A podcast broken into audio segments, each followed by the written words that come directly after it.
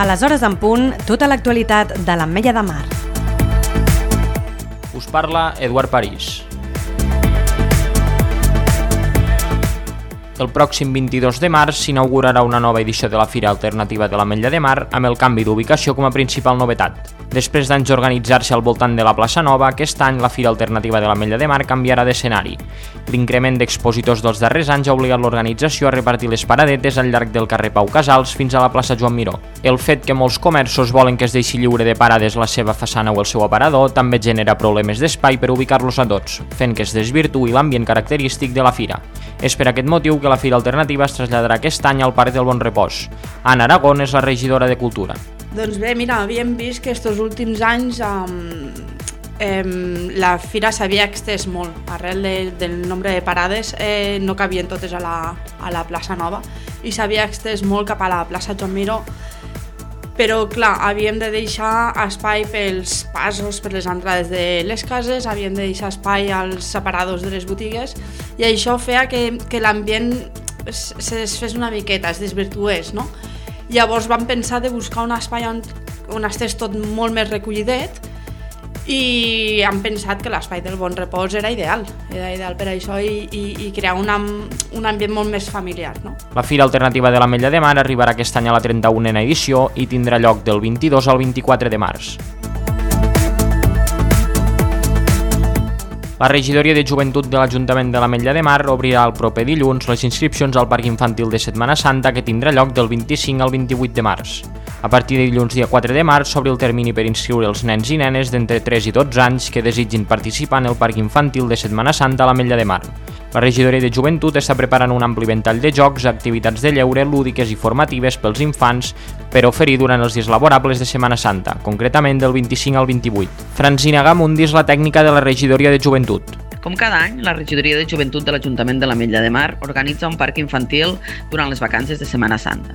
I la idea que tenim és conjugar activitats a l'aire lliure, com excursions, jocs, dinàmiques, algun tall o manualitat, i també ho venim fent aquests últims anys i és una cosa que ens enriqueix molt, que és comptar en la, en la col·laboració de les diferents entitats del poble. I hem tingut l'honor de poder comptar amb el Twirling, el Kempo, la petanca, el teatre, les dones endavant, la batucada, Hachiko i d'altres i enguany també també tindrem la, la col·laboració de diferents entitats del poble. Estem molt contents amb la implicació de les associacions que tenim al nostre poble, ja que de seguida reps una resposta immediata i positiva quan els demanes. Més endavant us desvelaré quines entitats, amb quines entitats podrem comptar este parc de Setmana Santa i veniu, apunteu-se, que han començat les inscripcions i aquesta Setmana Santa vindrà repleta de sorpreses.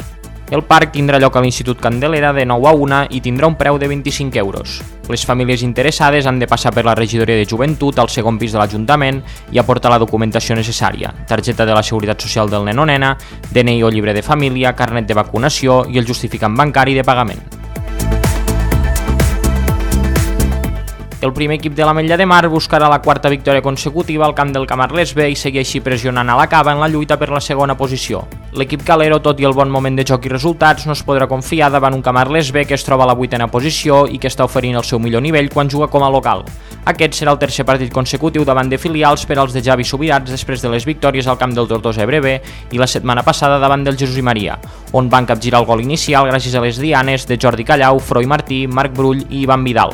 Els caleros estrenaran també la condició de tercers classificats, però l'objectiu continua sent retallar els 5 punts que els separen de la segona plaça, que ara ocupa la cava. Javi Subirats analitza així el partit. Bueno, a part d'això, perquè juguem a casa d'ells, eh, sabem com treballa Florín, que és un equip molt, que és molt intens, que sabem que intenten jugar i que a casa, aquí a casa no van crear problemes, però van tancar molt bé. Jo crec que allà a casa ells no es tancaran, però bueno, i a més venen d'una derrota crec que bastant dura al camp de l'Alcanar i voldran voldran, ells voldran tornar a enganxar el seu ritme i ficar-se a la zona mitja alta o tranquil·la de la classificació, que és el que lo crec que s'han d'estar.